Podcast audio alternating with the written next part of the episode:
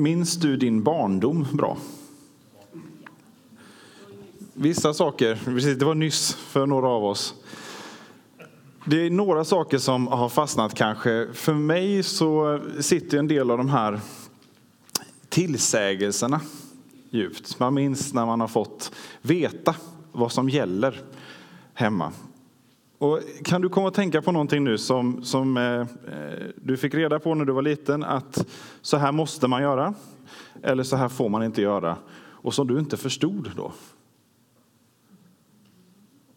Varför, varför är det så, eh, så nödvändigt?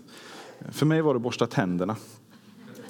Jag kunde verkligen inte förstå eh, varför jag skulle borsta tänderna. Och när jag fick göra det själv så maskade jag med det Eh, ganska länge. Det var inte så svårt för mina föräldrar att lista ut att gick jag in på badrummet och var där i fem sekunder och sen ut igen så var det inte tillräckligt med tandborstning. Efter ett tag så fick jag lära mig eh, också att förstå det här. Och så kan det vara med många saker. Vi, vi får lära oss vad som gäller som små, så landar det inte riktigt. Och vi får helt enkelt lita på våra föräldrar, att de vet vad som är bättre. Det kan vara en källa till konflikt eh, många gånger. Eh, men som äldre så ser vi kanske också vad som ligger bakom. Kanske kommer du också tänka på någonting som när du fick reda på vad man inte fick göra så blev det extra spännande att göra. Också något som, eh, som finns hos barn Eh, och som, eh, som jag har glädjen att få upptäcka nu. Varför, varför sa jag till min dotter att inte göra så? Vi fick ju rak motsatt effekt. Det är någonting med barn och uppmaningar eh, och regler som, som måste finnas där men som, som inte riktigt vill landa. Och de är ganska utlämnade till sina föräldrar. Att både lära dem men också bara hålla ihop vardagen också när man inte lyckas eh, leva upp till det. Och vi går in i en ny temaserie här nu om budorden, hugget i sten. Och frågan är, eh, är de huggna i sten? Vi brukar ju säga om någonting, när man kommer överens om något, ja det är inte hugget i sten, men, men faktum är att budorden är ju huggna i sten. Bokstavligen huggna i sten en gång i tiden, men också symboliskt, de är huggna i sten de finns där för oss. Och jag tror att ganska, ganska mycket så har vi genom historien som människor haft det här barnförhållandet till dem. Förstår inte riktigt varför.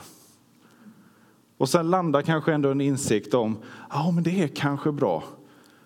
Fast jag vill ändå göra så. Och så blir vi trots år av erfarenhet och visdom ändå som de här bångstyriga barnen. Ska någon annan säga till mig vad jag ska göra? Jag kan själv. Och nu lever vi i en tid som, som också väldigt tydligt ifrågasätter det här. Ska någon annan tala om för mig vad jag ska göra? Och att bryta mot regler, att bryta mot normer är eh, något av det viktigaste och finaste man kan göra i vår tid.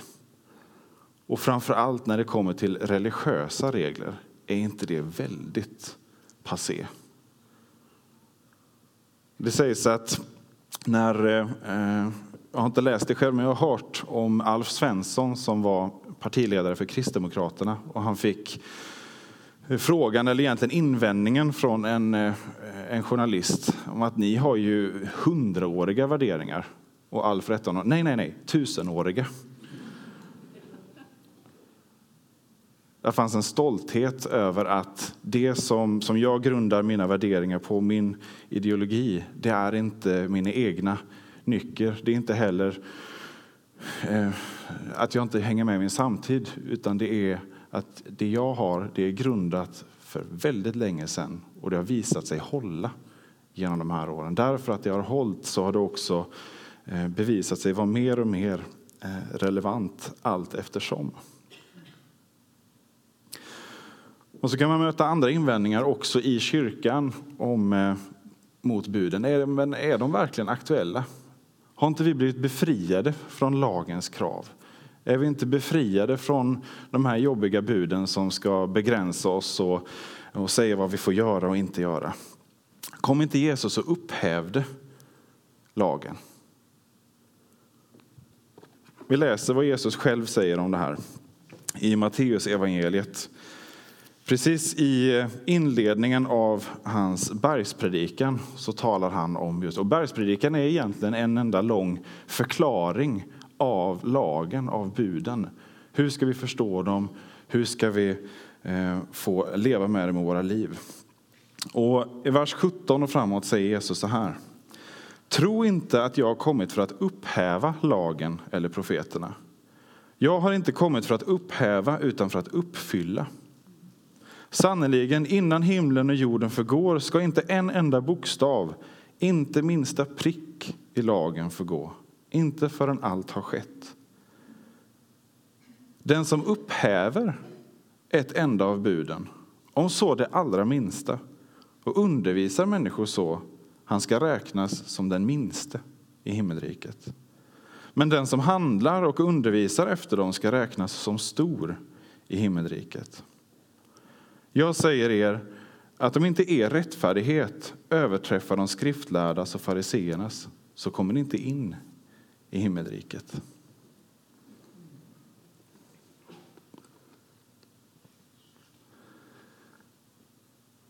Jesus har inte kommit för att upphäva lagen, för att uppfylla den. Och han tar allvarligt på lagen. Och vi har det här läsningarna från psalm 119, glädjen över Guds lag. Glädjen över ett liv eh, som får formas och fyllas av Guds lag. Och när vi läser berättelsen om Jesus så är det psalm 119 vi ser förkroppsligad. En glädje över Guds lag och ett liv som levs helt och hållet efter Guds lag, efter Guds vilja. Och när Jesus hamnar i diskussioner, Eh, för det är, inte, det är inte bara idag vi har problem med när någon annan säger till om vad vi ska göra, särskilt när den här andra är en gud. Det var diskussion då också. Och gång på gång så, så blir det diskussion om hur, hur man ska tolka det, vad som gäller, vad som gäller framför det ena eller det andra, om det blir konflikter och sådär. Och så har det bildats ett, ett stort system av, också av mänskliga bud, mänskliga regler, tillägg. Kanske börjar som förklaringar och sen så har vissa av dem blivit viktigare än Guds ord själv. Och där går Jesus in och svarar hela tiden, inte genom att säga nej, nej men det, är, det gäller inte längre, utan hela tiden tillbaka till grunden, till Guds eget ord. Och här gör inte Jesus upp, skulle jag vilja säga, med något judiskt. Det är inte det det handlar om, även om kyrkan genom historien ibland har uttryckt sig så. Eller människor i kyrkan. Utan här gör Jesus upp med något djupt mänskligt.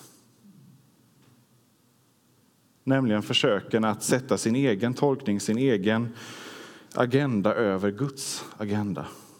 För att komma undan de här svåra buden. De gånger Jesus blir riktigt, riktigt upprörd på de skriftlärda, alltså de som hade djup kunskap om skrifterna, om Bibeln.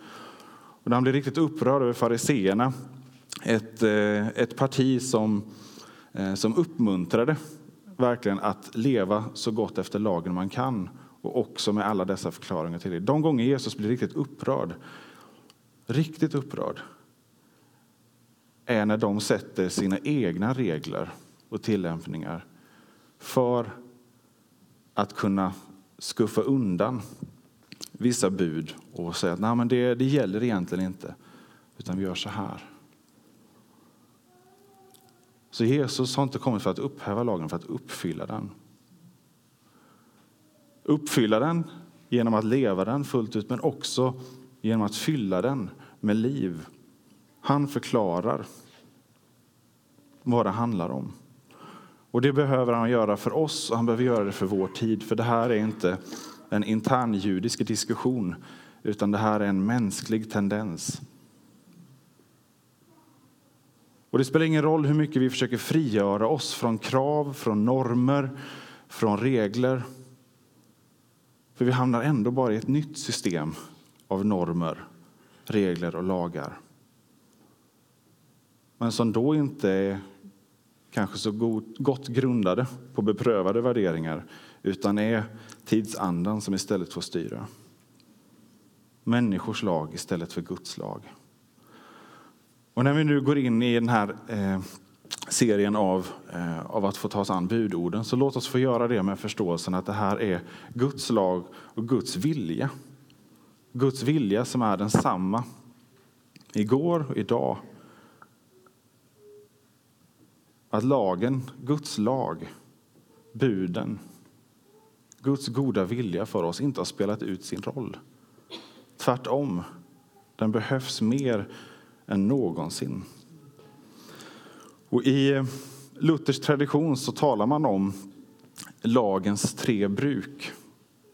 Bruk det är ett eh, gammalt ord för funktion eller grej. Vad är grejen med lagen kan man säga. Eh, så lagens tre grejer är då eh, någonting som förklarar vad, eh, vad den har för syfte. Och det första, lagens första bruk, ska vi se om vi kan få upp den, den punkten här. Att skapa ordning i samhället. Det är en av grejerna med Guds lag. För att reda upp i en galen värld. En värld som löper amok under synden. Och där människors egoism inte vet några gränser och får förödande konsekvenser för omgivningen. Och det har vi prov på i historien och vi har prov på det eh, idag. Och hela vår kultur i västvärlden det är allting, allt, men mycket av det som vi håller högt med demokrati, de värderingar vi har, det som vi tar som självklart med eh, att sanningen är ett av de värden, de dygder som trumfar många andra och som blir tolkningsnyckeln. Mycket av det här kommer därför att vi har formats av Guds lag på just det här sättet. Guds ord har format vår kultur, vår förståelse av vad som är rätt och sant. En del av det håller vi på att förlora nu när vi förvisar Guds ord, Guds bud till historiens skräphög.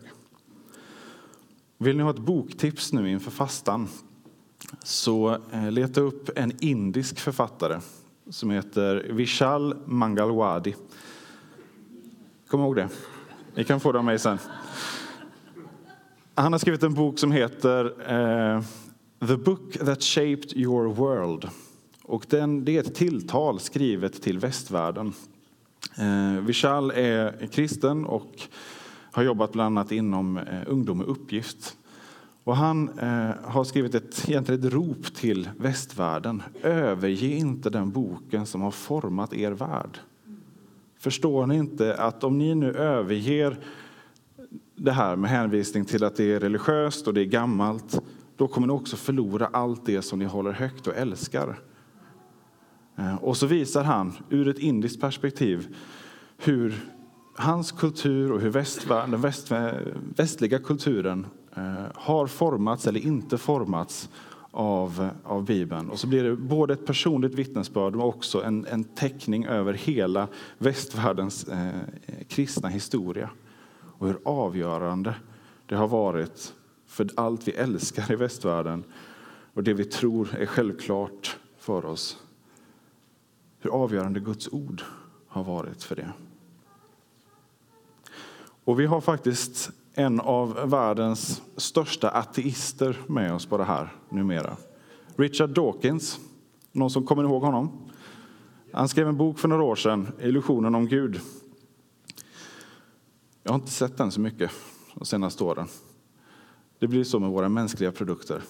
Eh, flugade håller några år. Men Dawkins han eh, har varit en ivrig kritiker av all religion, eh, också kristendom.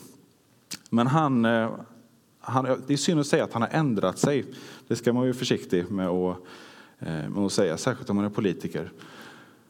Men han har åtminstone justerat sin syn något på religion. Vi ska se om vi kan få upp ett citat från honom här. Att överge religionen vore en dålig idé och skulle ge människor fritt spelrum att göra riktigt dåliga saker. Det är min egen översättning eh, från en intervju i The Times i höstas med honom. Han har kommit till insikt om lagens första bruk, kan vi säga. Och han har sett någonting av det här som Vishal skriver om i sin bok. Att om religion överges så får det ganska dåliga konsekvenser. Det har tagit några år, men han har äntligen fått syn på eh, vad religion har för positiva funktioner i att ge oss värderingar, ideal som ligger utanför oss själva och som kan forma oss istället för att vi hela tiden omformar idealen efter eh, vår egen dagsform eller vår egen situation. Och fler och fler i vår tid, tycker jag mig se, börjar inse, eller ana åtminstone, att vi behöver någonting som håller. Och så är det med oss människor, att vi, vi kan vara ett bångstyre, men när marken skakar under oss, då, då kanske vi börjar bli beredda att ändra oss. Det ser vi också i Israels historia. Läs Domarboken, det är ett annat fastetips. Eh, och se hur generation efter generation så, så överger folket Gud. Det börjar skaka under fötterna. Eh, då inser man att det vi har byggt upp själva, det håller kanske inte. Eh, vi måste vända oss till Gud, be honom att han sänder någon som kan leda oss. Och så går det om och om, om igen. Och det blir som en teckning över också mänsklighetens historia. Och vi står i en tid just nu där det skakar. När det skakar, då kommer också människor fråga efter någonting som håller. Kan vi då visa dem Guds ord, Guds bud? Vet vi själva vilken skatt det är vi har? Vilken glädje vi kan få ha i de bud som har burit och hållit upp ett folk och delar av världen i tusentals år. Så att synden inte har fått fullt övertag, även om det finns mycket att kämpa med där också. Men där samhällen faktiskt har fått bli någorlunda bevarade i tider. Det är lagens första bruk. Men så har vi också lagens andra bruk. Och jag skulle vilja säga att det är ett ännu viktigare. Därför att där handlar det om vårt eget hjärta. Det handlar inte bara om att lagen håller samhället i schack under en, eh, en viss tid här och nu, utan lagens andra bruk, vad, vad Guds lag, vad Guds bud gör med oss, det är att det kan få gripa tag i vårt hjärta. Och få göra det inte bara här och nu, utan i ett evighetsperspektiv. Och få sätta fingret på synden. Och här blir lagen ännu jobbigare för oss människor. Och här blir lagen otroligt jobbig i vår tid. För här känner jag mig dömd. här målas ett ideal upp som verkar vara helt omöjligt att förhålla sig till. Om jag tittar på, på budorden och, och ställer frågan, håller jag måttet? Så kanske till det yttre Kanske om jag hittar tolkningar om vad det, om det handlar egentligen bara om det här, ja då kanske jag skulle kunna säga, ja, jag håller måttet. Men någonstans här inne så känner jag ändå på mig att nej, det gör jag inte. Och när Jesus fortsätter här efter den här texten vi läste i bergspredikan så är det just det han gör. Han visar att Ja, kanske att du lyckas hålla näsan ovanför vattenytan när det gäller att hålla dig till vissa av de här reglerna om du gör den här tolkningen. Men om du låter det gå på djupet, på riktigt låter lagen spegla ditt hjärta. Då tvingas vi inse att nej, men jag vill ju faktiskt inte ens följa Gud många gånger. Och de gånger jag vill det så klarar jag det ändå inte. Och så visar Jesus hur Förhållandet vi har till Gud, vad synden gör med oss, det går på djupet. Det är inte bara någonting som handlar om ytan, vad jag kan visa upp att jag klarar av, utan det handlar om vad som rör sig här på insidan.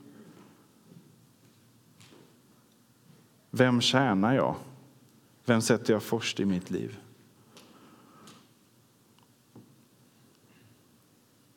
Men Jesus då? Underlättar inte han det här? Begränsar inte han det här till egentligen bara två bud? Eh, och det, det hör jag ibland att eh, men det, det, är så mycket att hålla reda på, det är så mycket. Men jag håller mig till, eh, till det dubbla kärleksbudet. Det räcker för mig. Det är enkelt. I Matteus 22, kapitel 37 och framåt, så, eh, så är Jesus i en diskussion just med eh, några eh, laglärda, skriftlärda. Som frågar Mästare, vilket är det största budet i lagen? Och han svarade honom, du ska älska Herren din Gud med hela ditt hjärta och med hela din själ och med hela ditt förstånd. Detta är det största och första budet. Sedan kommer ett av samma slag. Du ska älska din nästa som dig själv. På dessa båda bud vilar hela lagen och profeterna.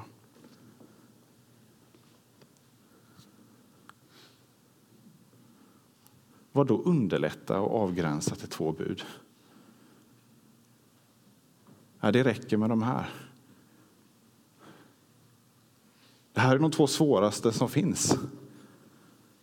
Och när vi ställer oss frågan ärligt utifrån de här buden, har jag älskat Gud över allting? Med allt vad jag är och har och min nästa som mig själv?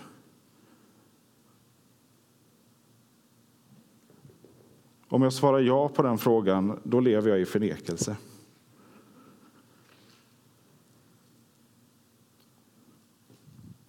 Och mycket av vår kultur, vår tid, handlar om det. Att fly från den oundvikliga domen som kommer av när vi låter Guds bud bli tydliga för oss.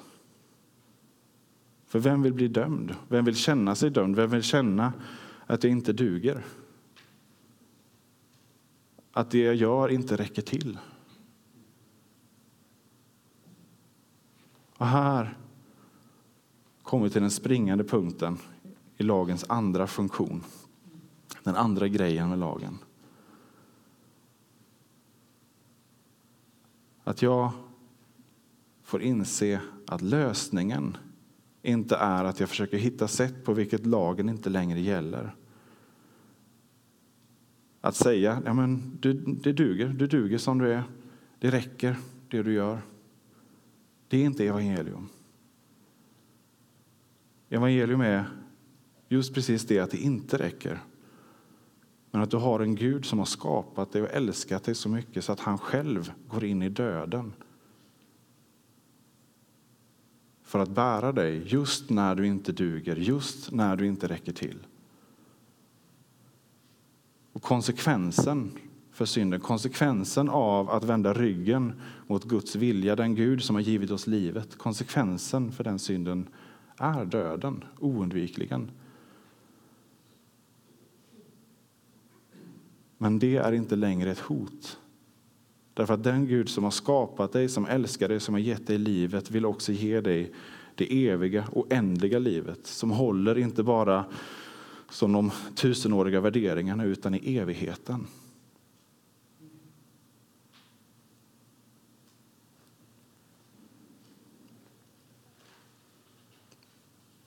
När lagen får ha den funktionen, att skapa insikt att skapa insikt om vårt behov. Inte bara att jag behöver Kristus, utan jag måste ha Kristus. Då har lagen gjort nytta i våra liv. Fram till dess så kan den få ordning på, på vissa saker, styra upp omgivningen något. Men när den får landa på djupet och när jag kommer till insikten att inget av det jag försöker, inget av nya vanor jag försöker upprätta bär hela vägen. Utan jag måste kapitulera och ge upp. Ge upp något av det fulaste vi har i vår tid. Men faktiskt ge upp och ta emot nåden.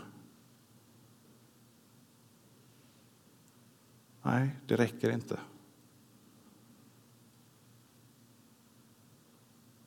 Men det finns någon annan som räcker för dig. Det här behöver Guds ande få, få visa för oss. Det som du inte kan bära, det som du inte kan uppfylla, det uppfyller Jesus Kristus för oss. Han har burit och levt det liv som vi inte kan leva. Och han dog den död som, som vi skulle ha dött, men som vi inte behöver göra. Och vi får ta emot det liv som han har levt och lever för oss. Där, där finns den rättfärdighet som är större, som går över de skriftlärdas alltså och fariseernas som Jesus talade om. Om inte er rättfärdighet går utöver de skriftlärda och fariseernas så kommer ni inte in i himmelriket. När människor först hörde det måste de ha tänkt okej, okay, då är vi rökta. Det finns ju inte en chans.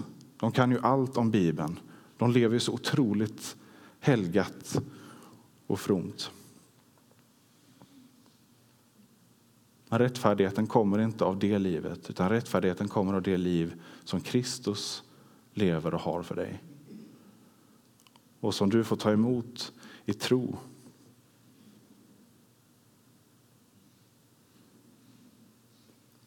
Och där, mina vänner, där har vi befrielsen. Befrielsen från skammen, befrielsen från skulden, befrielsen från domen som vi själva fäller över oss eller som omgivningen fäller över oss eller som vi upplever att vår samtid fäller över oss när mitt liv inte ser ut som alla andras verkar göra eller som eh, det gör på influencerkontona eller på de ideal som, som hela tiden matas med i eh, tv-serier, program, i media. Det är en obarmhärtig samtid vi har paradoxalt, motsägelsefullt därför att det är en samtid som hela tiden talar om att vi inte ska döma. Och ändå dömer vi hårdare än någonsin. Men Jesus, den enda som har rätten att döma, han dömer inte utan han frikänner.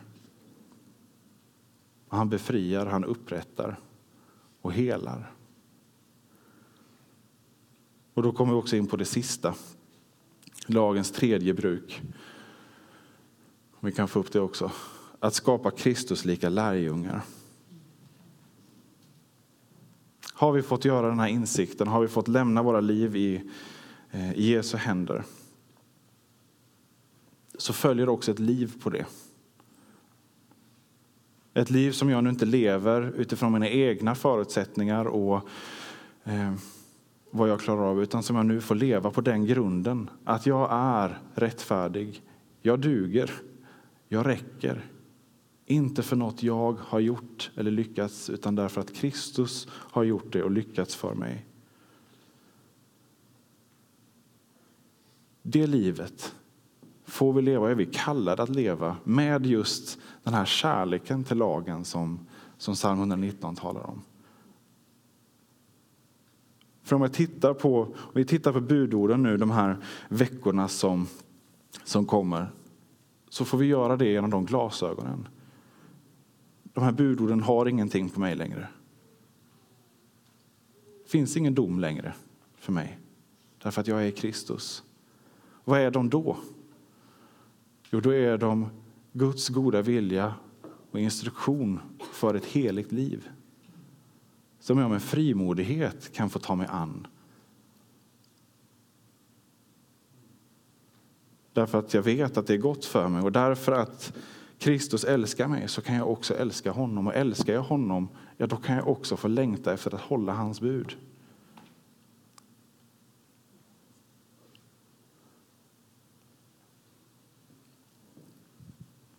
Den gamla Adam, den första Adam, som får stå som symbolen för den, som, den första som misslyckades. Vände Gud ryggen, bröt mot det enda budet.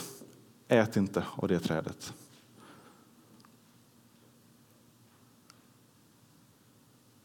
han är om intet jord. Han har ingen talan längre i våra liv. I dopet så är han begravd och vi får uppstå med den nya människan, den nya Adam, Kristus. Men så har vi, eh, som den, den gamle gode biskopen Bo Giertz, ett liv där vi lever som döpta, rättfärdiga och samtidigt är vi också syndare. Och då säger Bo Giertz att visserligen har den gamla Adam dränkts i dopet, men det aset kan simma. Och det är en viktig påminnelse för oss när vi märker och vi hör plasket från det här aset som kommer och försöker eh, påminna oss om vår ovilja, påminna oss om eh, tidigare förluster. Så inser vi också, även om jag läser lagen, även om jag har nu en vår av budord förkunnas för mig, även om jag vet att jag är fri Kristus, så kommer ändå kanske ett styng av dom dåligt samvete, skam tillbaka. Var inte förvånad. Tänk på biskop Bo. Adam det aset, han kan simma. Ett tag till.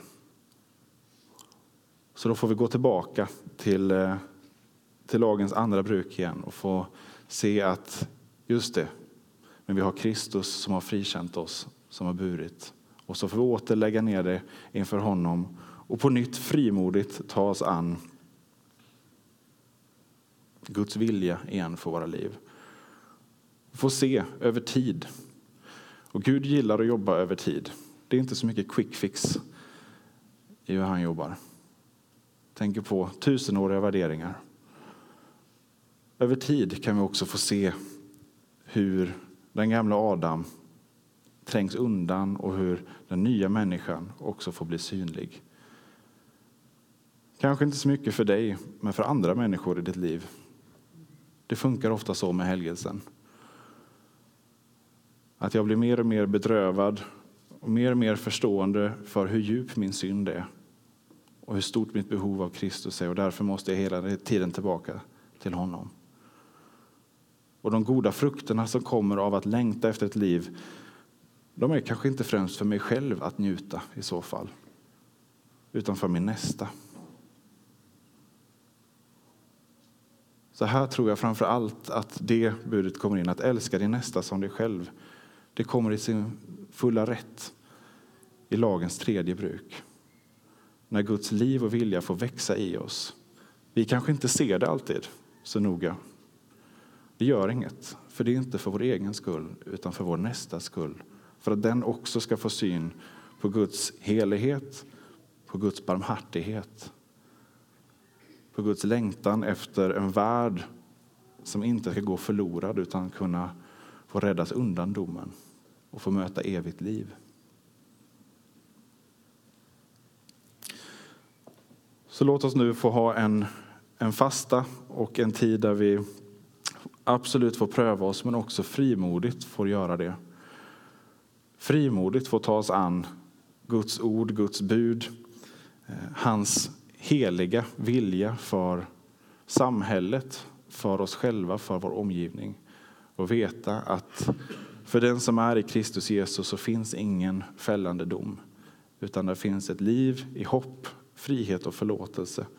Ett liv som inte längre är bundet av min egen ängsliga strävan efter att duga utan som istället kan få flöda över och få ge frukt som smakar gott för de människor som jag möter. Och jag kan förtjäna både Gud och min omgivning med evangeliet om Jesus Kristus.